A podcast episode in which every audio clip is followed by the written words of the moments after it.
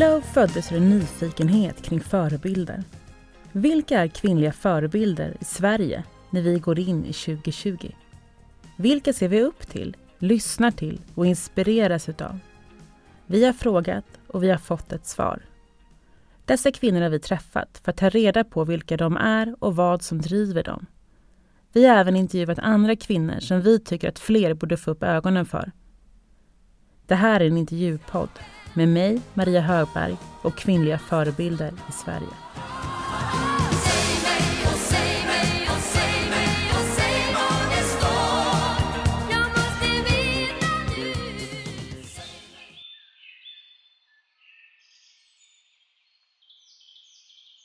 Året är 1993 och jag vaknar upp i min säng.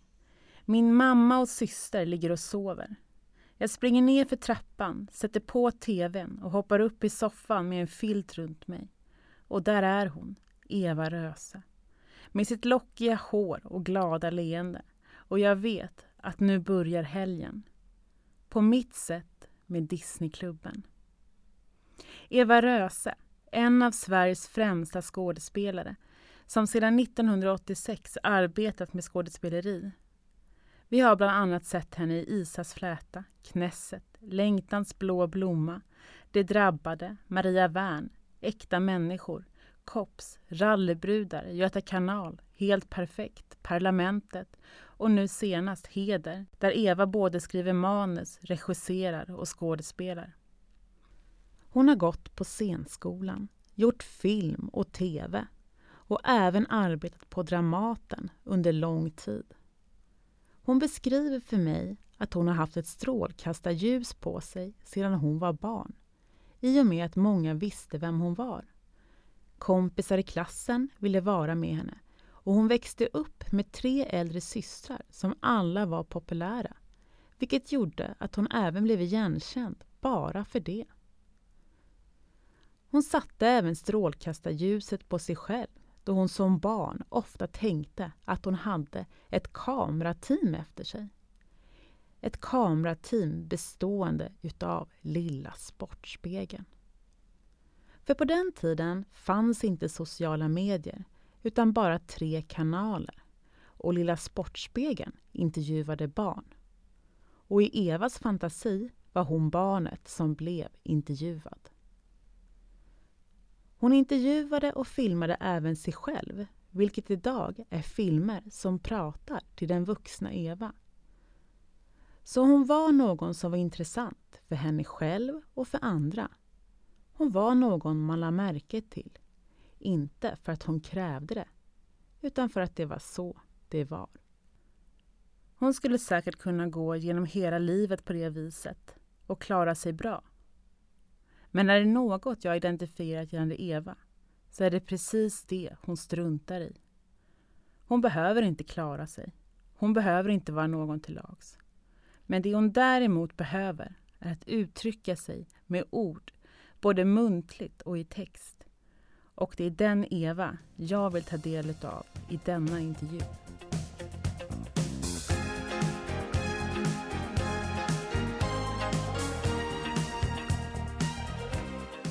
Du är här för att du är framröstad till en av de kvinnliga förebilderna i Sverige 2020. Mm.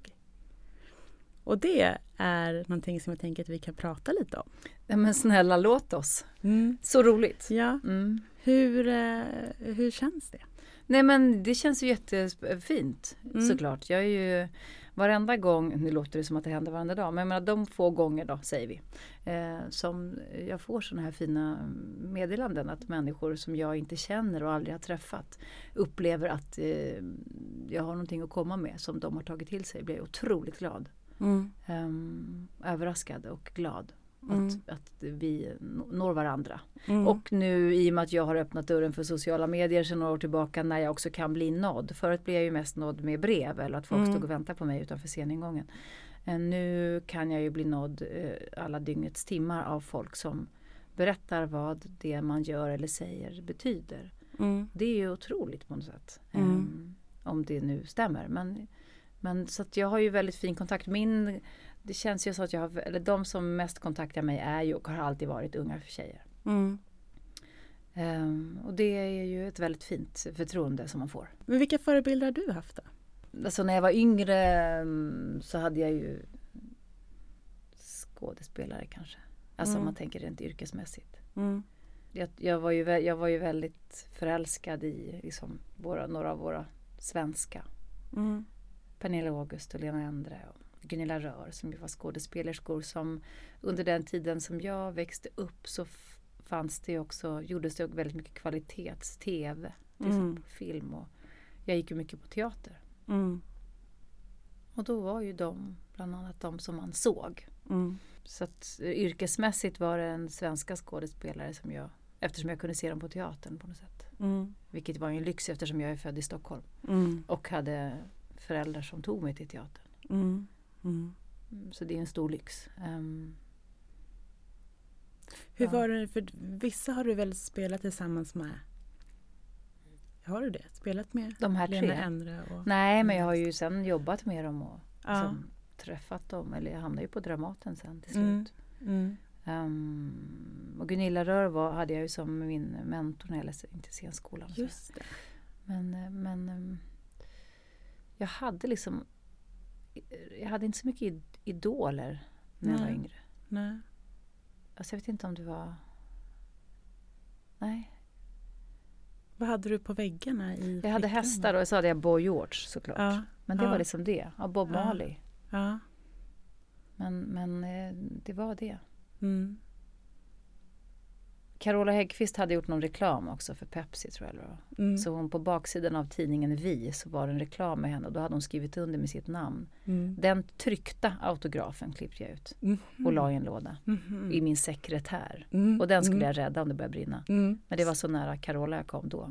Nu har vi liksom nu har ju liksom tiderna förändrats. Mm. Ja. Har du räddat den autografen fortfarande? Nej, det har nej. jag inte. Men jag menar, nej, nej. Men så många av dem som jag hade på eh, piedestal när jag var yngre mm. har ju jag i mitt konstiga yrke liksom plötsligt kommit ganska nära. Mm. Det finns ju inga piedestaler kvar. Nej. För hur, hur blir det när du liksom träffar de här? Nej men nu är jag ju så stor och vuxen. Nu ja. är det borta. Nu har jag ju ja. träffat alla möjliga människor i olika liksom, allt från jättevärldskända människor till kungligheter. Det finns mm. inte kvar det där riktigt. Nej. Det finns ingen som du skulle bli liksom knäsvag av? Tror knäsvag? Nej men alltså det finns en skådespelerska som heter Isabelle Hubert som jag ju älskar. Och mm. när hon passerade mig på Stockholms filmfestival när jag gjorde någonting där. Um, så gick hon förbi mig backstage. Att jag liksom fick hennes hår i ansiktet. Mm. Det var ändå nu bara för kanske tio år sedan eller åtta år sedan. Mm. Då kände jag ändå att jag liksom blev, ja nej men då, då, då mm. skalv det till. Mm. Eh, för, att, men, men, men, för att hon är så fantastisk. Mm. Men nu har man ju liksom Nu har jag, jag har inga skådespelare egentligen som jag ser upp till. Det finns ju alltid någon period när man tror att man typ måste vara snäll. Bara, mm. alltså så här, vara vänlig mot alla. Alltså ganska uttröttande. Att vara liksom, försöka vara, visa att man visst är en, en helt reko människa. Även om mm. du råkar sitta i tv. Mm. Att man helst inte ville att folk skulle snacka ner en. Så mm. Du ska fan inte tro att. Alltså den där jante. Mm. Jag, är, jag, är, absolut uppväxt med jante. Mm. Totalt. Mm. Men det liksom skavde lite i mig. För jag tänkte, men jag är väl ändå Lilla Sportspegeln följer ju mig ja, var jag än går. Så vad menar ni? Din egen jag är liksom, realityserie. Exakt, uh -huh. jag är ju helt grym. Mm. Uh, va? Uppenbarligen. Nej, men så att, ja, nej men det fanns väl kanske en känsla av att man ibland måste vara så här superhärligt. Tills jag växte ifrån det och insåg att var skitsamma, tyck vad fan ni vill. Mm. Och det är väl det som jag skulle säga definierar mig idag. Ja, prata eller tyck vad ni vill. Mm. Alltså det går jättebra. Mm. Det är inte så här, jag, snälla. Man, man, kan inte förhålla sig till andra människor på det sättet. Mm. Mm. Till andra människors åsikter hela tiden. Mm. Det går inte. I mitt yrke, då har jag valt fel. Så där är jag ju nästan larvigt grundad, skulle jag säga. Och det är också så här, men hur, hur blir man det? Men jag ser lite på min mamma som är en, en, spännande figur. Har jag mer och mer börjat förstå. Mm. Hon är så extremt trygg i sig själv. Mm. Hur då? Varför då? Ja, jag vet inte. Hon är bibliotekarie, extremt beläst, väldigt grundad. Hon kan tala med vem som helst. Mm. Oavsett om det handlar om liksom Bob Dylan eller om det handlar om Nietzsche. Det spelar ingen roll. Eller om, alltså det, det spelar, hon är extremt allmänbildad. Mm. Och är så trygg och lugn i sig själv så att det är en självklarhet för henne att vara den som säger så här. Ett fyrfaldigt leve för om man är på vilken födelsedagsfest som helst. Förstår du? Mm. Du förstår typen. Mm. Mm. Den som i självklarhet bara tar det där. Men ska inte liksom födelsedagsbarnets typ make säga det? Nej, alltså det finns inget. Mm. Hon är helt självklar i det. Mm. Och, och så tänker jag, hur blev, alltså hur kunde du, hur blev det sådär? Mm. Jag tycker det är en intressant figur liksom. Jag, tänk om jag har ärvt något av det. För hon var ju så väldigt tydlig med mig när vi var yngre att man inte skulle förhäva sig och så. Mm. Att man inte ska vara till lag så. Mm. Att man behöver inte le hela tiden och så. Mm. Det var ju hon rätt tydlig med. Ehm. Men jag vet liksom inte riktigt varför jag inte skulle vara trygg i mig själv. Ja, alltså det, nej. Nej, men, klart, ja, jag förstår vad du menar men samtidigt så kan det också vara att du är i ett yrke som blir recenserad väldigt mycket. Jo, men, ja, ja, du menar så. Nej, precis. Så här då. Jag, du, jag, jag är väldigt onojig. Jag jämför mig inte speciellt mycket med andra. Ehm, jag tänker att alla kan inte göra allting. Alltså Mm. jag kan inte göra, jag kan göra de jobb jag kan. Jag, liksom, den här, åh ni konkurrerar så jävla mycket. Ja, alltså man kan göra ett jobb i taget eventuellt. Man har en kropp. Alltså Mm. du kan inte göra, du kan i alla fall inte göra alla roller. Mm. Ehm, och om en person tycker någonting om dig och skriver det i en tidning, då är det hen som har tyckt och tänkt det. Mm. Alltså du måste också förhålla dig till det. Sluta läs Mm. då. Det är Mm. klart att man kan bli ledsen, men det definierar absolut inte mig överhuvudtaget. Mm. Ehm, det har jag, så kände jag ju inte när jag var 16 år Nej. och gick med munkjackan liksom uppdragen över skolgården. Mm. Då är man ju mer nojig för folks åsikter. Mm. Men jag är ju otroligt onojig. Mm. Kanske liksom arrogant onojig över vad folk tycker. Mm. Har du fått någon hatstorm mot dig någon gång? Ja, mm, ja det har jag väl um, vid något tillfälle eller några. Men, men ehm, den ena var jag så överraskad över. Så, och det var så ovan. För då hade jag precis öppnat liksom, det här med att vara offentlig på sociala medier. får man ju skylla sig Mm. själv. Mm. Då får man ju skylla sig själv lite. Alltså då, då, vet, då ger man sig in i det. Att ha ett öppna, öppet konto. Mm. Ehm, Men då var, jag, då var det andra, några, liksom, någon offentlig eh, kanal som hade liksom, eh, pratat om mig på ett sätt som gjorde att många missförstod Mm. en grej som var absolut inget. Mm. Och då fick jag jättemycket. Jag är helt otroligt ovan då vid att hela mitt konto bombarderades med extremt mycket hat. Mm. Då var jag inte beredd. Nej. Men då, fick, då var ju mitt recept bara att stänga ner allting ett tag. Och Mm. lägga bort den där telefonen. Mm. Någon vecka. Mm. Eh, Men det såklart, då var jag ju inte helt så här, då fick jag ju ont i magen. Mm. Det, då, jag var ju inte oberörd över det för jag var så paff. Mm. Och min grundkänsla är ju att jag hatar att bli missförstådd. Det Mm. hatar jag.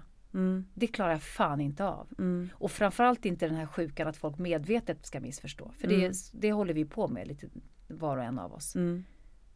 Även i dessa dagar säger vi med infektionsläkare eller vad så. Mm. Vi medvetet missförstår. För att kunna reagera kraftfullt. Så känns det som ibland. Och man kan säga, jag menade inte så. Det kan ju folk knappt säga idag. Mm. Du får inte göra en pudel heller, för det är redan kört. Alltså du får inte Mm. ha fel. Mm. Du får inte begå ett misstag och sen säga, "Ja, jag ber om ursäkt, jag hade fel. Eller jag tänkte, för jag har lärt mig något nytt. Eller, Mm. Det får man inte göra. Så Mm. där hugger ju vargflocken direkt. Vilket är läskigt. Mm. Um, Stoppar det dig? nej men sen blir jag, var jag, har jag varit ganska politisk. eh, och väldigt tydlig med var jag står politiskt och så vidare. Mm. Och vad jag anser om liksom, medmänsklighet och empati och så vidare. Och då får man också alltid troll. Mm. ser åt helvete. Men än så länge har jag ju inte blivit skrämd eller liksom på det sättet tystad. Mm. Men under en period, eh, 2015 när jag var som hårdast till exempel och gick ut väldigt hårt mot vad jag tyckte om. Eh, vad Sverigedemokraterna har sina rötter, eller jag tänker om flyktingpolitiken som vi har eller som vissa vill förorda och så vidare. Ehm, när det blir liksom våld, när det blir mer hot, hot. Mm. Då är det klart att jag tänkte till. Och vid Mm. ett tillfälle tog jag bort ett inlägg. För att jag blev lite rädd för vad jag skulle, jag orkade inte ta emot ännu mer. Mm. Men sen ja, efter tre, fyra dagar så gick jag ut och var ännu hårdare i alla fall. Mm. Men det är klart att jag inte... Vad hände med, liksom, hur gick tankebanorna hos dig under de här dagarna? Nej men det var innan jag tänkte hur fan ska jag, hur ska jag hantera det här innan jag kom på att jag behöver inte läsa allt skit. Mm. Du behöver inte, du behöver inte googla dig själv. Du, jag menar, don't do that. Alltså, det behöver man inte göra. Mm. Och man behöver inte läsa. Och man behöver dessutom inte ha sin vägg som en vägg där folk kan liksom pissa Mm. varenda dag. Du kan ju också stänga av kommentarerna. Mm. Du behöver inte öppna för troll alltid. Nej. Och du behöver inte, framförallt inte svara. Mm. Men samtidigt vill jag inte blockera folk för jag vill ju att jag vill ju nå ut till dem som tycker olika. Mm.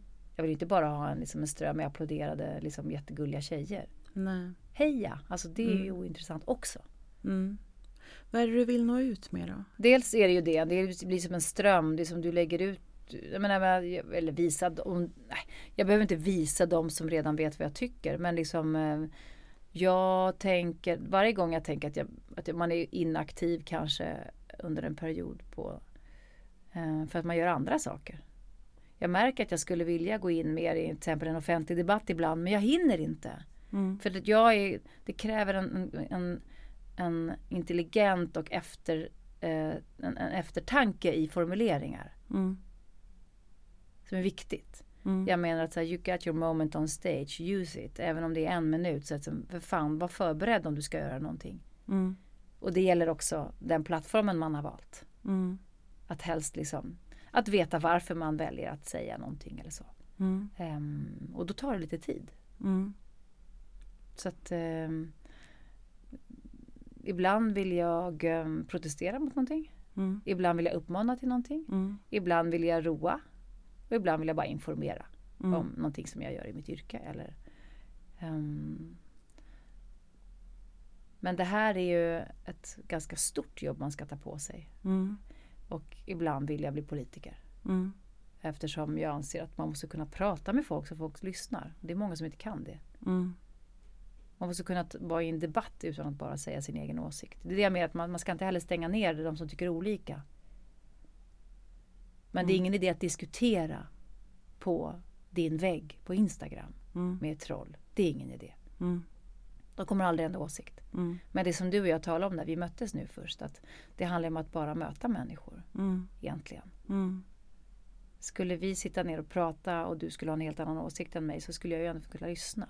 Mm. Skulle du skriva till mig sex, sju rader så skulle jag kunna avfärda dig som en idiot. Mm. Om jag vill. Mm. Och det är väl lite där att vi blir väldigt polariserade på något sätt. Men eftersom jag tar in mycket intryck från andra välformulerade människor som skriver som jag lyssnar till eller läser och funderar kring så vet ju jag också att ord- jag menar, det är ju det, hela, det, är det jag jobbar med, ordets makt. Mm. Orden. Mm. De sagda och de skrivna. Mm. Det är ju faktiskt också mitt yrke. Mm. Så då vet man ju hur viktigt det är. Mm. Så det är därför jag inte kan låta bli Mm. att säga. Plus att mitt yrke handlar ju, har ju länge handlat om att säga någonting som någon annan har skrivit. Mm. Och det är klart att det leder till en viss frustration när man har väldigt mycket eget som man vill ut med. Mm. För, för om man tittar på tidigare intervjuer med dig så pratar du om att inte ha sociala medier. När tog du steget till att... Det var när jag var i Nepal med Unicef. Jag har jobbat med Unicef sedan 2007 och de har väldigt, i flera år varit väldigt tydliga med att det vore bra om du kunde nå ut med Mm. till andra än bara de, i de rum där jag typ föreläser. Mm. Och så var det när jag skulle åka till Nepal ehm, så hade jag fått då typ hjälp att starta Instagram tror jag. Eller så här Mm. bara så här, så här gör man typ. Ja. Mm. Eller om det var Facebook, jag minns inte. Mm. Facebook kanske var. Och det var väl kanske, det kan det ha varit, 2015, Mm. fem år sedan Ehm, då skulle jag arbeta där med, eller besöka kvinnojourer och se, liksom, för kvinnornas ställning i Nepal är fruktansvärd. Mm. Ehm, så då åkte vi liksom upp till de här bergen vid liksom bergets, äh, liksom Mount Everests fot till de här byarna. Ehm, och så var det en kväll när vi kom tillbaka från ett så kvinnocenter. Där vi hade suttit i mörkret med kvinnor och flickor som gömde sig från sina mycket våldsamma män. Um, där det var så jävla mycket jag ville prata om. Mm. Och vi besökte förlossningsklinik som var egentligen bara ett cementerat rum, iskallt. Alltså, det var så mycket man behövde nå ut med. Uh, så då började jag skriva och sen så la jag ut inlägget. Och direkt så kom det ju Alltså plötsligt, det var ju folk som läste. Alltså den Mm. insikten om att men gud så här kan jag använda plattformen. Mm. Jag behöver inte ta selfies och lägga upp kattungar. Jag hade ju Mm. såklart en klichéartad bild av vad det var. Mm. Eftersom jag liksom var gammal som en dinosaurie som bara trodde att folk Det var mycket liksom läppglans om man säger så. Mm. Jag är ganska ointresserad av läppglans i det offentliga Mm. rummet. Så då insåg jag, fan ja, men gud, jag, ett, jag kan ju skriva, jag älskar ord. Jag tycker om att formulera mig. Jag har någonting att säga, eller framförallt någonting att berätta som jag håller på Mm. eh, att formulera. Mm.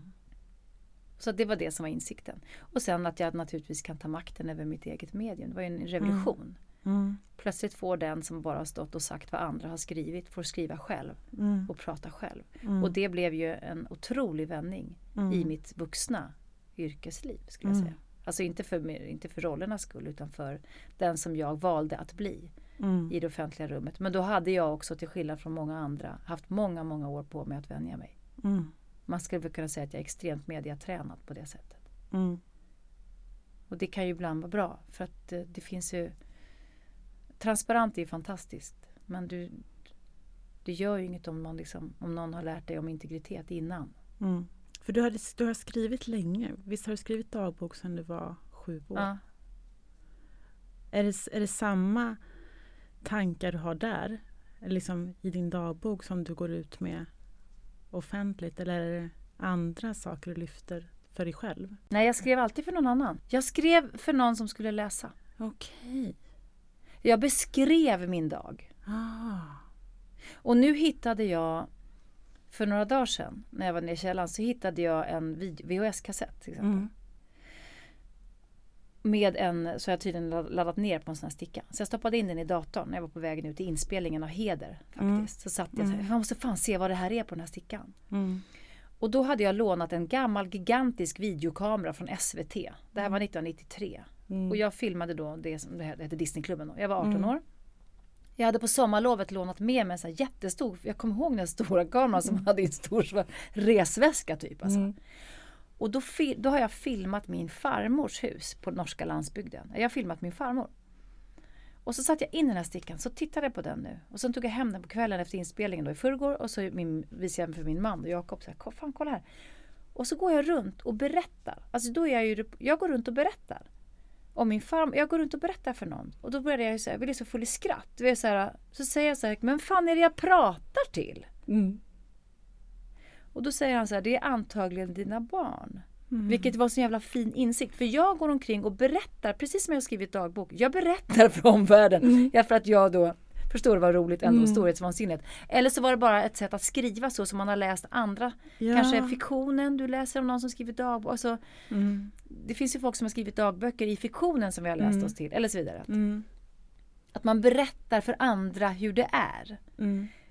Och tråden från den här sjuåringen som berättar för andra hur det är. Att jag tror att någon, mitt eftermäle Mm. ska bli enormt. Att någon överhuvudtaget ska vara Mm. intresserad. Men jag berättar ju också för mig själv. Nu är det Mm. vuxna Eva Mm. som får höra liksom tioåringen berätta. Mm. Förstår du? Ja. Och nu så såg jag den här 18-åringen gå runt och berätta för någon annan om livet på, i norska landsbygden eller min farmor. Eller jag berättar om olika saker. Ja, då sa han det, nu kan jag ju visa det här för mina barn. Ja. Och nu var ju jag den här reporten. Förstår du? Ja.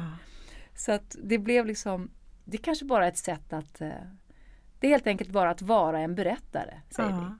Vi. Som jag ju fortsatte med. Men Men då hade du ju också ett behov av att få berätta vad du själv tyckte. Ja, precis. Om man, om man, om man liksom drar i den där linjen. Men jag tror Ja. säkerligen att jag har läst någon bok om några barn som hittade en dammig kista på vinden och så dammar de av den så hittar de sin farmors. Liksom. Du vet, att jag har säkert Mm. trott att liksom, Mm. jag har säkert sett det. Jag levde extremt mycket liksom i böckernas värld. Mm. Mm. Alltså, jag var lika säker på att, precis som Bastian i den oändliga historien, att han skulle Mm. bli indragen i en bok. Jag var ju lika säker. Jag har ju gått in i hur många hårda garderober som helst som aldrig har Mm. öppnat sig. Mm. som Narnia. Alltså jag är fan Mm. bulor kvar. Mm. För att jag trodde att det kommer även hända.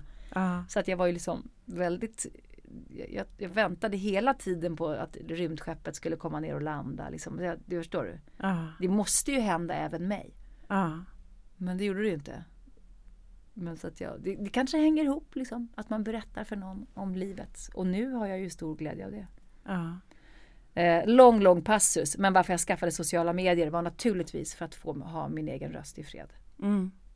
Att få berätta om verkligheten med mina ord. Och Mm. inte bara från ett manus. Mm. Mm. Och nu skriver jag ju dessutom manus. Mm. Och producerar liksom. Så att nu håller jag ju på att förändra min egen världsbild. Mm.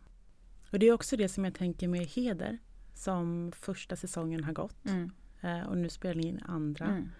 Att det är ni som skriver kvinnoroller ur kvinnors perspektiv och sen gestaltar ni det. Hur känns det nu liksom när du själv får skriva kvinnoroller och manus och regissera och spela? Jo men alltså jag skulle säga, för jag gör ju samma med Maria Wern och har varit med nu den senaste säsongen som kommer. Mm. Och precis innan du och jag träffas idag så har jag ju varit och gjort eftersynk som det heter. Ja. När man liksom spelar in vissa repliker som inte hörs på grund av flygplan eller man Mm. trampar runt i grus eller så vidare. Men där har jag för första gången i år, eller nu, då också varit med och utvecklat de här historierna. Eh, och det är ju, dels är det ju väldigt olika rollkaraktärer då. Den här Mm. tuffa polisen och kontra de här målsägande beträdena. Men, men det finns ju ett enormt behov att få berätta utifrån det som man vill berätta. Mm. Problemet är, ska jag säga, det är inte alls bara så här, ah, det är fantastiskt, vi skriver exakt som vi vill. Nej, det är inte så för det måste också ingå i en viss kontext. Mm. Det, det är ju ett format. Det ena som jag berättade om är ju en polisserie. Den måste Mm. innehålla, det måste vara, det måste, vi måste hålla oss inom de ramarna lite. Mm. Och det andra är också en viss kontext. Nu har vi bestämt de här premisserna. Nu ska det vara de här advokaterna i den här miljön, lite upphöjt, ganska snajdiga minst sagt, Mm. apropå läppglans. Mm. Eh, det ska dessutom vara en thriller.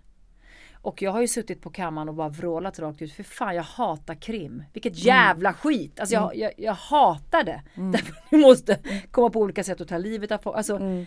Det kan hända. Alltså det här är ju fantastiskt att få med och påverka. Nu är det ju inte bara, vi sitter ju inte vid datorn själva och skriver allt själva. Vi har ju också med oss författare, ett, ett writers room som också skriver våra visioner och så vidare. Som vi kämpar och slåss för. Men det som är nytt är ju att man också, att vi har exekutiv producent både på Maria Wern och med Heder med mina fantastiska kollegor. Att vi har liksom ett, vi har ett syfte och ett uppsåt. Vi vet varför vi vill göra det här. Mm. Men vi möter också på, vi stöter på patrull för det är mycket som ska in. Mm. Det ska vara två, det ska vara 8 gånger 45 minuter, det ska vara reklampaus. Jag, jag, jag säger det här för att du också ska förstå att det som kan tänkas, shit nu har vi ah, makten helt i vår hand och nu kan jag göra exakt vad jag vill. Nej, inte än. Mm. För vi, man kan också måla in sig i ett hörn till Mm. exempel. Att man påstår, ja just det, det måste vara en, nu är det ju här en polis eller nu är det här en advokatfirman. Och Mm. Det kan hända att mitt nästa steg är att ändå skriva någonting utifrån det som inte innefattar mord och våld. Jag förstår du? Att Mm. egentligen just nu, mitt nästa steg kanske blir att skriva någonting om den här personen som jag också har liksom kartonger med dagböcker ifrån. Ja. För, för att hon är inte så mycket inne på liksom, att jaga folk som har blivit liksom, utsatta för buntband och huvor och Mm. slag och betrubbigt våld. Mm. Jag har liksom, jag är rätt trött på det. Mm. Även om det är också är vår verklighet som vi måste berätta om. Mm. På ett smartare sätt än att vi visar en våldtagen kvinna ligga naken. Mm. Det gör vi fan inte. Nej. Så där kan vi gå in och ändra. Mm. Vad är det som är viktigt att få fram när man tänker på både Maria Wern och, och Heder? Vad är det som inte har funnits tidigare som ni inte tummar på att få med? Nej, men allt har säkert funnits på olika sätt. Mycket möjligt. Men det som jag tycker är sant nu till exempel med Maria Wern det är att jag är, väldigt mer, jag är mycket mer intresserad av att veta kan en polis vara rädd? Och hur, fan, hur kan du ens ha ett sånt yrke där du väljer att gå in eller som, som i ett hus där det brinner när alla andra springer? Eller Mm. du, hur, kan du, hur kan du ens utsätta dig för den här fruktansvärda skräcken? Är du inte skiträdd? Mm. Vadå skyddsväst? Mm. Kan jag skjuta dig rakt i nyllet? Mm. Alltså jag vill veta Mm. hur det känns. Mm. Jag vill se att man är rädd. Jag vill se att de gör misstag. Jag vill se den här hjältinnan göra misstag. Mm. Oförlåtliga misstag. Hon pekar ut fel person. Mm. Jaha. Hur dealar du med det? Apropå det här att vi får inte göra fel. Mm. Det har jag ju skrivit in i de här manusen nu. Jag vill se att de gör fel. Mm. Jag vill se att man kan säga I'm sorry, jag gjorde fel. En läkare gör fel, politiker gör fel. De vi som håller högst av alla gör fel. Vad fan, en snubbe på liksom Rädda Barnen tog pengarna själv. Mm. Det betyder inte att alla liksom, idealister eh, begår felaktigheter. Men även de som vi sätter vår största tilltro till är ju människor. Mm. Kan vi få se det? Mm. Det är jag intresserad av. Mm. Och i det här fallet liksom med heder att vi vill också kunna visa att även om man har liksom man jobbar med knuten näve i fickan och man liksom kämpar för kvinnors rättigheter och ett jämställt samhälle och mot det här fucking jävla våldet som vi utsätts för jämt och Mm. ständigt. De kan också ha en jargong, de kan också göra fel, de kan också vara sexistiska. Det vill säga bort med alla piedestaler. Mm. Ja, jag är feminist. Ja, jag kämpar för eh, liksom ett klimatsmart, jämlikt samhälle. Det betyder inte att jag inte också gör fel. Mm. Jag är jävligt plump. Jag, ska, liksom, jag flyger. Mm. Inte varje dag. Liksom. Men jag menar, jag, Eva, lever inte alltid som jag lär. Jag menar att jag ändå måste kunna ha en åsikt. Mm. Eh, jag sitter inte hemma nu och ryter om att folk eh, bunkrar toapapper och sen smygt bunkrar jag själv. Alltså det är också kul att vi är tyckare men vi tycker de andra vi gör samma sak själv. Mm. Men, men att vi Jag vill väldigt gärna få lyfta det som är det mänskliga i våra hjältar. Hon är här, inte bara fysiskt, utan även mentalt. Jag och Eva Röse i en poddstudio, tio meter under marken, instängda. Och jag känner att hon analyserar alla mina frågor och kanske även mig. Hon blickar inte inåt för att gräva i det förflutna. Vad spelar det för roll nu? Vi är ju här nu. Hon och jag. Och hon vill att ordet flyter långt bort från klichéer och fina fraser. Det ska vara äkta, ärligt och autentiskt. För något annat är inte intressant. Har du någon situation när du faktiskt har ändrat åsikt? Jag har aldrig haft fel faktiskt. Det är det som är så härligt med mig. Ja, nej men uh, inget jag kom på så här på rak arm. Just ett sånt där eh, ögonblick.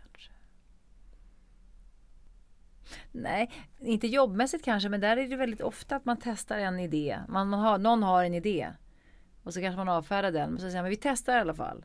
Det är också det som är rätt fint med mitt jobb. Man får ju, man får ju träna mycket Mm. på att vara människa med andra människor. Mm. Du sa initialt innan när vi sågs att det viktigaste är att man möter människor. Liksom. Då tänker jag, mitt, hela mitt jobb går ut på att man bara konstant hela tiden träffar folk. Mm. Och diskuterar lite om vad det är att vara människa. Och diskuterar och sätter spegeln på vad det är att vara människa. Och Mm. hur vi beter oss. Men till exempel så kan det vara så att man har Någon vill att man ska testa att bete sig på ett sätt säger vi i en viss scen. Mm. Och så vill man säga så, nej men det, skulle, det här skulle den här karaktären aldrig göra. Det funkar inte. Mm. Men så måste man ju ändå för att man måste ju vara proffsig så man måste ju ändå testa ditt förslag. Mm. Det är så man får jobba. Mm. Alla förslag ska testas. Du kan ju inte avfärda det utan att ha testat. Mm. Det är ju en ganska bra skola. Mm. Och då ska man ju inte testa med halv fart. Mm. Liksom gå in och bara markera. Då måste man ju försöka testa full ut. Liksom, Mm. Full on. För att visa dig att din idé håller. Mm. Och inte det så här. Inte, ja du förstår vad jag menar. Men, så det, och där kan man ju ibland ändra. Så, ja, för har hon rätt, har hon rätt i. Så det, det kan jag nog ändå, jag hör mig själv ganska ofta säga det. Det har hon rätt i. Men när det kommer till privata argumentationer. Mm. alltså så här. Nej men då, då, nej men jag vill väldigt gärna sista ordet. Jag är Mm. jätte, jätte, jättejobbig, jätte, jätte omogen på det sättet. Men det, det de diskussionerna är ofta bara mellan två människor. Mm. Och liksom, we're still going strong. Så att det, som, det finns liksom. Men där, där, där är det ju mer liksom. Där är man ju bara sju år gammal fortfarande och står och skriker. Och vad händer med dig när du får sista ordet då? Känner du också triumf då eller vad är det? Ja, Ja. peka finger bakom ryggen och räcka ut tungan. Allt sånt där gör jag. Mm. Och känner mig naturligtvis halvhärlig. Mm. Men jag gör det ändå. Jag Mm. räcker ut tungan bakom folks rygg. Mm. Och gör facktecken bakom Mm. folks rygg. Mm. Förstår du? Hur Mm. storheten i den människan som gör det. Men Mm. jag gör det. Jag tänker att så länge de inte ser det, skitsamma. Mm. Och så känner jag mig inte så ashärlig. Sen så måste jag krypa till korset och så måste jag komma hem och säga så här, förlåt. Måste jag komma hem och säga så här, nej men förlåt.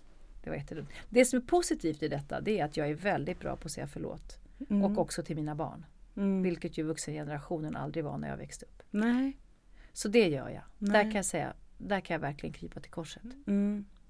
Och det gör jag liksom in excess. Men gör, säger du förlåt för sånt som du gör bakom, nu kanske du inte visar fuck you till dina nej, barn det gör bakom jag inte. ryggen? Nej, nej, Nej. någon gång har jag säkert lipat åt någon. Mm. Men nej, nej, men alltså, nej men det gör jag inte till dem. Nej men det, att man kanske markerar, alltså saker och ting som man gör som är fel. Mm. Um, vad nu är, du är för sträng eller så, nej men du lyssnar inte eller liksom man gör fel, man tar fel beslut eller vad det nu är. Mm. Man skriker för högt. Mm. Man ska inte skrika åt barn, jag skriker ibland. Mm. De blir rädda idag. De Mm. blir ju rädda. Mm. De blir ju kränkta och rädda. Mm. Jag försöker ju med min styrka, min ljudvolym och min kropp vinna. Mm. Alltså så som vuxna ibland gör med Mm. barn. Det är hemskt. Mm. Jaha, vad var den vinsten värd? Mm. Skit, ingenting. Nej. Så då kan man ju liksom säga förlåt, jag vet att jag skrämde dig nu när jag blev sådär arg. Jag ber om Mm. ursäkt för det. Alltså, du vet, man är ner på knä och bara prata och säga. Jag förstår att du blir jättearg och ledsen på mig när jag gör så här och så här och så här. Det var Mm. jättedumt gjort. Alltså hela den vägen. Mm. För att också ge dem ett språk att de själva ska kunna Mm. be om ursäkt om man gör fel. Det är återigen, Mm. det, detta är ju vad som skiljer agnarna Mm. från vetet. Mm. Och då måste man också kunna få bli bemött i det. Mm. Om de aldrig skulle förlåta mig, då sk- skulle jag ju vara svartlistad och svartmålad och ensam i flocken. Det kräver också att man kan på riktigt säga det är okej. Det är okej Maria. Jag fattar att du inte menade det där. Eller så menade du det just då, men Mm. nu har det gått över. Mm. Och nu vill du att vi blir vänner. Och du säger, jag fattar. Mm. Men om jag skulle vara en sån väninna som inte skulle kunna förlåta dig. Mm. Vad är det för skit? Mm. Alltså det, så det, det är väl ganska djupt mänskligt. Och det tycker jag Mm. också gäller i det offentliga rummet. Folk kan göra jättestora misstag. Måste få ha råd att göra det. Det är därför politiker idag på något sätt ljuger. Eller då kallar det för att vara medietränade. Mm. För de vet att de får inte ha minsta lilla fel. Mm. Eller liksom Skulle det nu komma nya riktlinjer kring till exempel hur civilsamhället eller Sverige ska fungera under en krissituation. Mm. Då får ju de som har först påstått någonting och sen lärt sig någonting på tre veckor. Då ska, vi, då ska vi piska dem för att de hade fel för tre veckor sedan. Mm. Medan de egentligen bara är ansvarsfulla och säger vi har lärt oss något nytt. Mm. Risken är att de är så rädda för piskan så de inte vågar tillstå att Mm. de hade tagit ett fel beslut. Mm. Eller ett beslut som var rätt då. Mm. Så det här menar att hela tiden hålla fast. Ja, ja du förstår att jag vill komma. Ja, Hoppas att ni som verkligen. lyssnar fattar vad jag menar också. Att vi måste kunna vara lite mänskligare i att folk gör fel. Mm. Så att säga. Nu använder jag ordet fel men liksom att man tar ett Ja, beslut jag- som man sen ändrar. Mm. Och det är skitläskigt att ändra. Om man Mm. är en sån som alltid som pekar med hela handen. Och det är också det som gör oss intressanta. Och Ja. jag tänker också med förebilder så finns det ju ibland folk som har begått misstag som Ja. berättar om det som gör att andra inte behöver begå Ja. samma misstag också. Ja. Till exempel när jag ser intervjuer med dig nu, för nu har jag ju liksom knarkat dig ett Mm. tag. Mm. Jag tycker det är jättehärligt. Jag tycker det är jättehärligt när du ehm, jag tycker det är jättehärligt när du är varm, men jag tycker också det är jättehärligt när du ifrågasätter en fråga. Alltså, Mm. det blir ju intressant. Ja, men vet jag tycker det är härligt. Det är också så här att få vara, att låta också folk ibland vara i ovisshet. Alltså så här, det här kan ju min, så här, han som jag delar mina dagar med, men han som jag lever Mm. med kan ju tycka, han skäms ju och tycker att jag är jättejobbig eftersom jag liksom inte alltid orkar liksom vara så väluppfostrad så här som man ska vara i vissa sociala sammanhang. Därför att vissa sociala sammanhang är så dumma. Mm. Alltså, men liksom de är så de är så städade så att man liksom chocksomnar för att det är så dumt allting. Mm. Eller hur vi ska bete oss. Och det här är jättebra att man vet hur man ska bete sig mot varandra. Men det är också idiotiskt. Och då, om man inte liksom riktigt spelar med. Eller man, kanske inte, man kanske inte har lust att spela med. Nej. Eller så har man lust att säga som det är Mm. i ett rum. Mm. Då kan det bli konstig stämning. Mm. Men det kan ju också pigga upp liksom. Men att man Det är intressant att se vad som händer om man inte riktigt följer eh, våra oskrivna lagar och regler. Mm. Men det kräver ju ett otroligt mod. Jag vet. Men jag var, det höll jag inte på med när jag var yngre. Nej. Men nu gör jag ju det. Ja.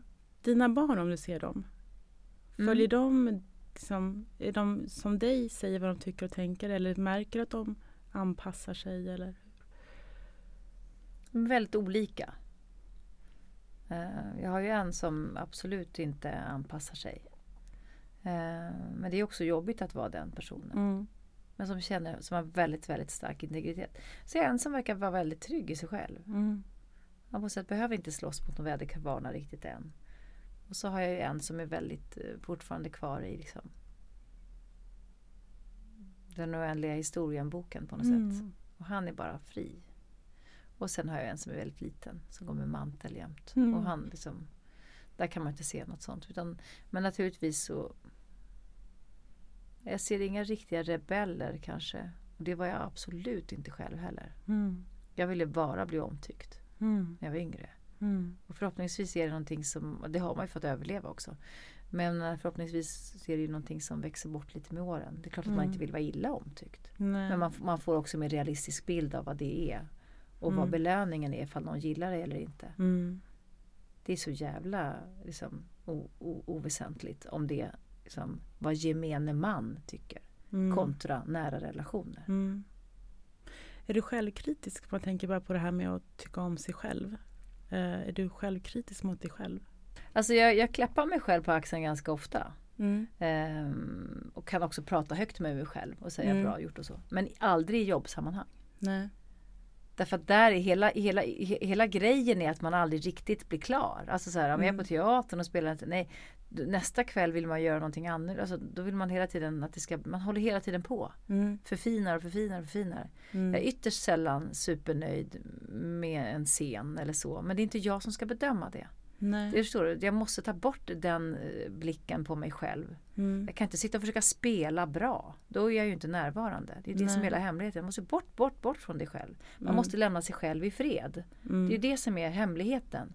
Mm. Att kunna lämna sig själv i fred. Ehm, du ska inte ha den blicken på dig själv. Det ska ju Mm. bara vara i den stunden. Det är min enda uppgift. Och det är inget eh, liksom, hittepå. Ja, Mm. du ska vara närvarande, bla bla bla. Vad fan är det? Ja, om du sitter och tänker på nu är jag så jävla närvarande. Då har du ju seglat bort för länge sedan Mm. på det stora blå.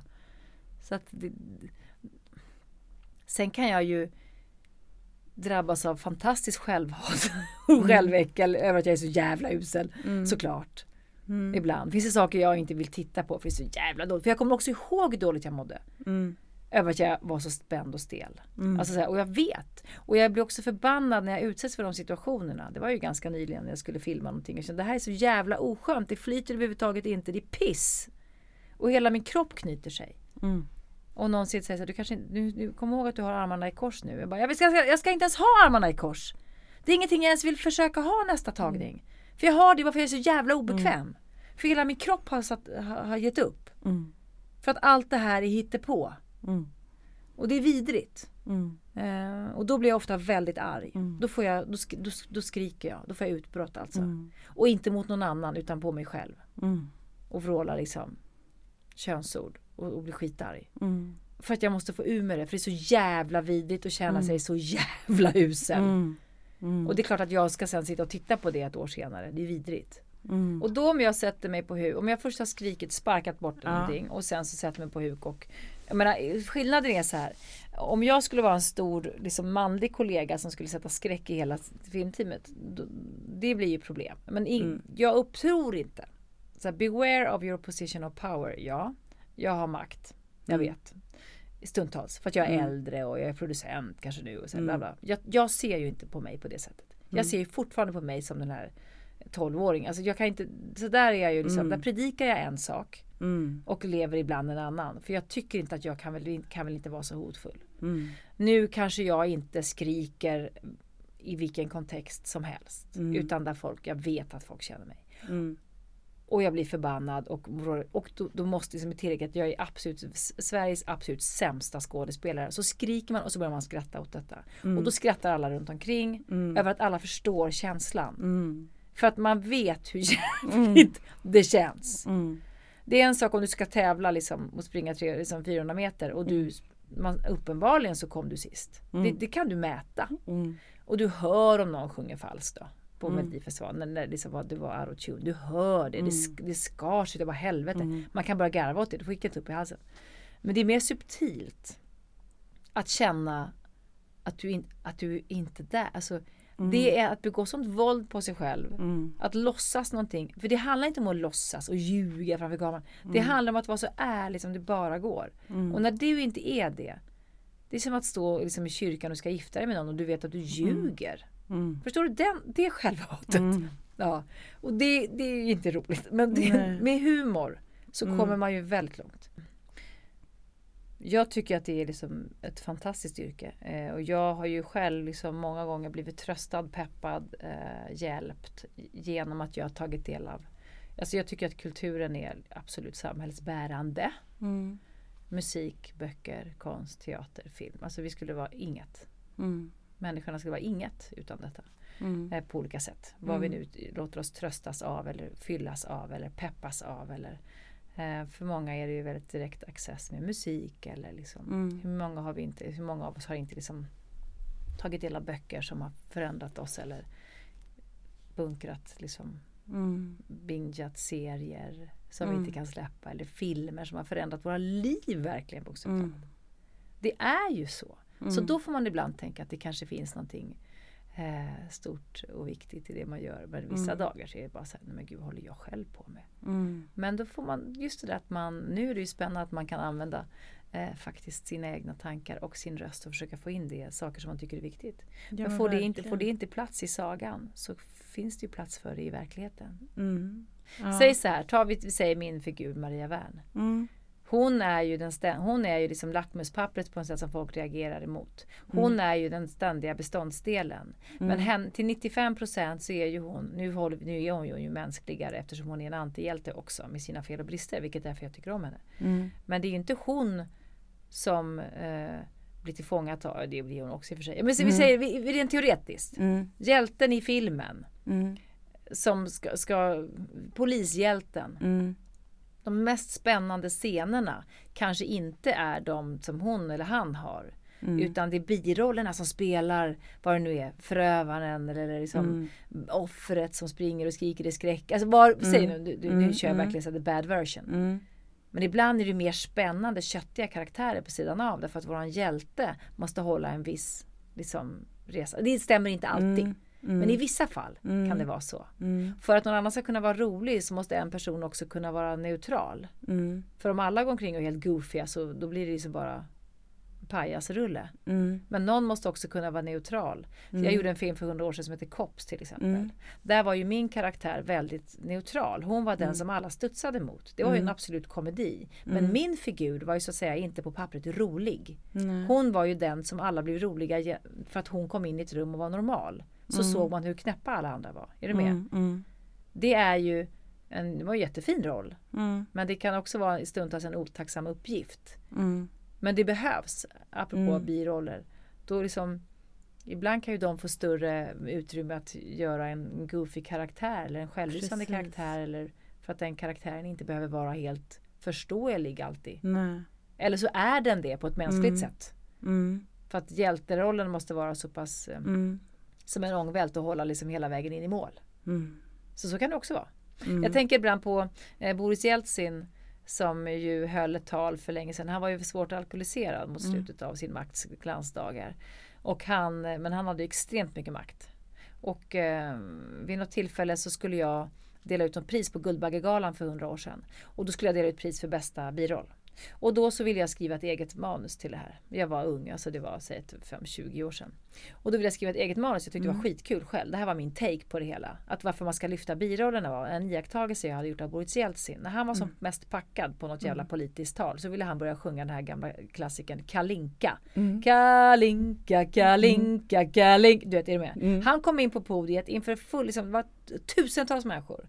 Han är så jävla på lyset va, så han börjar sjunga den här sången. Mm. Det var inte läge. Mm. Vad som händer då, för att inte han ska tappa brallorna mer än lovligt, så börjar hans strikta livvakter bakom honom och typ hans stab, du vet de som står bakom podiet i kostym, börjar sjunga Kalinka. Mm. Som om det var något de hade repat. Mm. För att täcka upp för sin boss. Mm. Vilket leder till att alla vi som ser på TV, vi tittar på Boris, men vi tittar framförallt på livvakterna och de i kostym som tvingas dansa mm. kalinka och mm. sjunga högt. Det var med att där dit drogs våra blickar. Mm. Så vill jag liksom göra så att apropå att man lyfter birollen. Där, det var där det hände. Det blev fruktansvärt roligt och bra. Eh, sen kom det någon man som inte förstod min, min humor och, och, och, skrev om det här talet och gav mig ett annat tal som han tyckte var bättre. som var något jävligt dåligt om Snövit och de sju dvärgarna Mhm. eh, istället. Ja. Du fick inte hålla det? Nej, men jag, då tog jag hans version eftersom jag var eh, liksom lite yngre och han var en sån som skrev manus och var en gubbe i makt, tyck, Ja, trodde jag. Ja. Så jag tänkte okej, men min var inte så rolig då. Och då Nej. tog jag hans. Det var ju inte en jävel som garvade på den där galan. Men det var, ju. Det, det var ju liksom, det har man lärt sig. Men samtidigt så var jag också alldeles för liksom ung och tänkte nej okej, det kanske inte var så kul. Nej. Och så tog jag ett annat manus. Som, inte ju heller var kul. var ju noll kul. Ja, Det var ju skittråkigt. Ja. Ingen Ja. garva. nej. Och det måste ju vara fruktansvärt att leverera ett manus som, Som någon ingen- annan har skrivit. Som ingen garvar. Ja. Nej förstår du, så dåligt. Men det, Ja. det, det är glömt nu höll jag på att säga. Jag har nej men apropå biroller. Ja. För det var ju återigen. De Mm. andra spelade Mm. eh, honom. Mm. Vad, du kan, det är ett kul sätt, var uppmärksam nästa gång du Mm. ser en film eller Ja. tv-serie. Hur man berättar om en karaktär. Ja, för karaktären kommer ju inte in i bild och håller upp sitt Nej. CV för dig. Nej. Utan du, med filmmediets berättarteknik så låter vi dig förstå vem han eller hon är. Mm. Förstår du? Våran Mm. hjälte, våran antagonist, boven, så. Och vilken backstory han eller hon eventuellt har. Det berättar vi med olika subtila medel. Eh, Medan på teatern så kan vi inte hålla på med närbilder och hel... Alltså där, där, är, där hjälps vi åt att berätta historien på ett annat sätt. Mm. Vilket är kollektivt. Mm. Vilket vi gör menar jag i vårt normala liv i samhället på Mm. något sätt. Ja. I ett rum, på ett företag, Mm. eh, på ett, en konferens, på ett pitchmöte. Alltså så här, Mm. Vi berättar för varandra också omedvetet om vilka Mm. vi är. Mm. Ehm, och om jag går in i ett rum så tänker ju inte jag innan jag går in i rummet nu, nu kommer alla titta på mig. Nej. Men jag tar ju för självklart att de kommer titta på mig för jag kommer ju in i rummet. Ja, ja. Fast jag, jag laddar inte upp Nej. för det så att säga. Men, men, och ibland vill man ju inte att någon jävel ska se en. Nej. Och kanske då tittar alla som mest. När Ja. man smyger in Ja. på, liksom, på vårdcentralen. Hennes rakhet och direkta energi, som precis nu är riktat mot mig och alla er som lyssnar, lämnar även utrymme för mycket värme och skratt. Skulle jag avsluta denna intervju med att göra en hobbyanalys utav henne skulle jag inte annat än att hamna fel. För det är inte mitt jobb, utan det klarar hon bäst själv. Med sin röst, utifrån sina drivkrafter och på sina egna arenor. Jag hoppas att hon tar det ett steg längre och tar sina ord, sin förmåga att skriva och uttrycka sig och förlöser det i en text som utmanar henne att öppna upp till precis det hon vill göra och säga i en uppsättning som jag får gå på. För någonstans känner jag att det finns en växel till att förlösa hos Eva Röse som kommer bli större än allt vi tidigare fått ta del utav. Men som sagt, det är mina ord, min önskan och jag vet att det kanske hon inte alls håller med om. Eller skiter blanka fan i. Så finns det något bättre sätt att avsluta detta poddavsnitt på än att just få lyssna på hennes unika röst som talar till oss rakt in i hjärtat och med budskapet Det räcker nu. Åtta minuter, ett år efter tystnad, tagning och metoo till en förändring som ska leva för alltid. För ett år sedan satt jag i min loge på Dramaten och smsade febrigt med några av mina kollegor. Vi visste att vi satt på en bomb som skulle detonera en dag senare. När vi skådespelerskorna gick ut med vårt upprop och vårt manifest i Svenska Dagbladet under hashtaggen tystnadtagning. Vi hade väntat länge. För länge.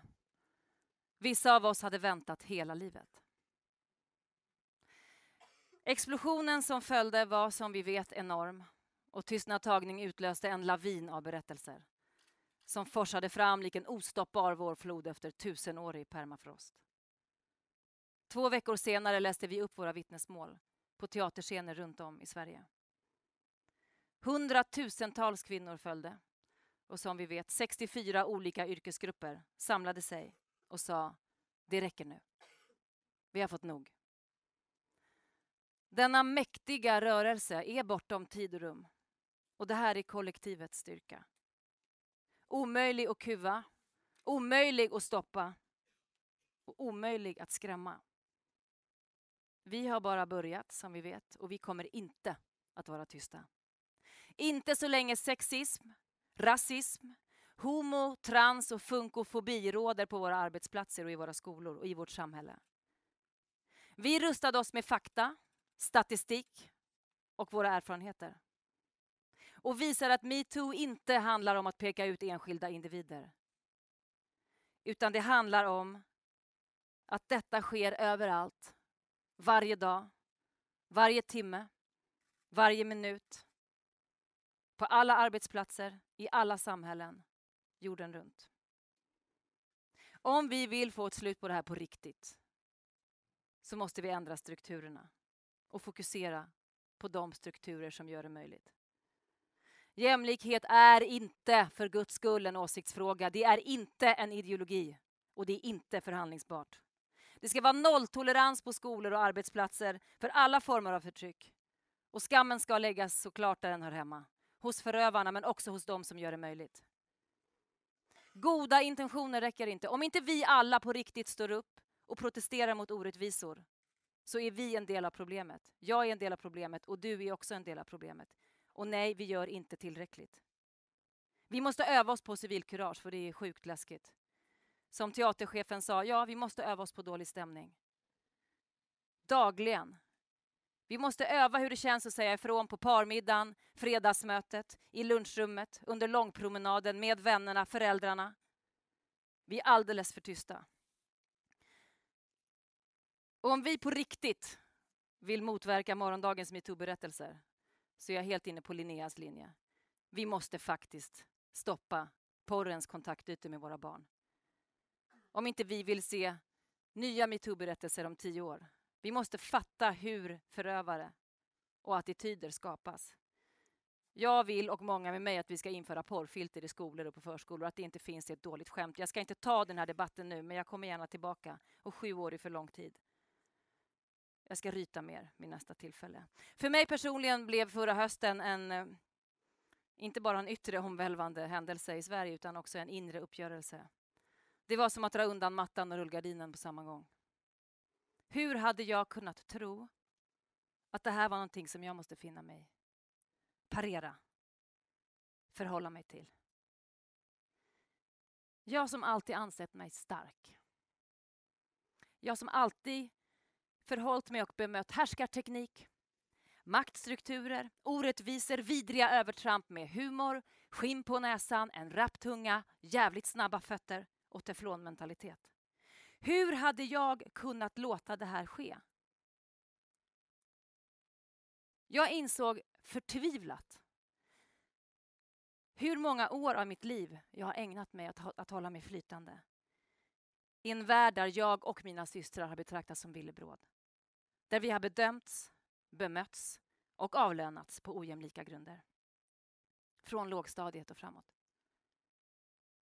Det här handlar om att skapa en bättre värld för oss alla. Vi bor i ett land där vi inte blir fängslade för våra åsikter än. Det är därför vi inte kan vara tysta. Vi måste använda våra röster. Vi måste använda dem för de som inte kan. Jag menar valet i höstas var väl ganska tydlig, tyvärr visade med all, all önskvärd tydlighet hur högt upp på agendan metoo kom. Inte en enda gång hörde jag det diskuteras. Bland annat diskuterade vi sänkta rätt, äh, rätt, en sänkt eh, äh, abortsvecka. Det, det, det diskuterades. Men inte nästan någonting om jämlikhet, våldsmän mot kvinnor. Några av er idag här har ju mer makt än andra och på er vilar ett tyngre ansvar. Vi måste kunna kräva våra chefer, arbetsgivare och lärare att de är kompetenta och insatta i de här frågorna. Vi måste rannsaka oss själva och se till vår del av maskineriet. Metoo handlar om maktmissbruk. Och det kan ta sig olika uttryck som vi vet. Det handlar inte bara om fysiska övergrepp utan lika mycket om attityder och mönster. Om rädslor och glastak. Om vi är 50 procent av befolkningen, ja, vi vill faktiskt ha 50 procent av makten och av pengarna. Vi kommer aldrig bli lika inför lagen så länge ojämlik, ojämställd lönesättning råder. Och vi måste börja i tid. Låt värdegrund, livskunskap, jämställdhet bli obligatoriska ämnen i skolan. Det handlar om att vi ska skapa en värld som är bättre för alla. Det handlar om att inte bara ha symbolpolitik. Vi sätter en stämpel för att vi ordnade någonting. Vi kanske går med en liten badge. Vi säger att vi är engagerade, men vi är det inte. Vi är inte det tillräckligt mycket.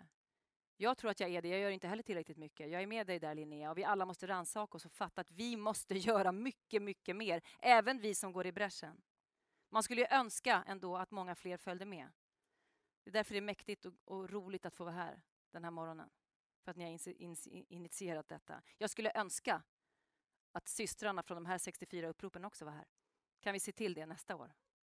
En applåd för det. Tack.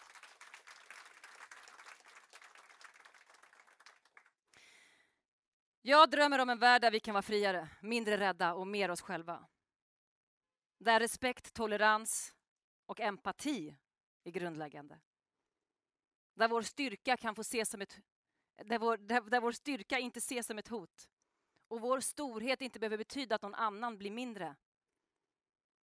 Och låt mig vara tydlig, det här är inte ett krig mellan könen. Det är inte män mot kvinnor, kvinnor mot män. Det här är en global rörelse för mänskliga rättigheter. Vi har tagit det här steget nu och vi har börjat med att bryta tystnaden. Och jag vill tacka er för att ni är här och för att ni lyssnar. Igår talade jag i riksdagen. Det var två män i salen. Meditera över det jävla faktum att det var två män i salen. När ska kvinnofrågor, när ska folk fatta att de så kallade kvinnofrågorna inte är kvinnofrågor utan mansfrågor? Vi tar ändå de här stegen. Jag vill naturligtvis tacka er män som är här, men vi ska inte slå oss själva på bröstet. Vi tar de här stegen för de som gick före oss och för de som kommer efter. Än en gång, för våra systrar, för våra bröder, för våra söner och döttrar. Och det finns ta mig fan ingen väg tillbaka in i mörkret. Känn på det mäktet, mina damer och herrar. Tack så mycket.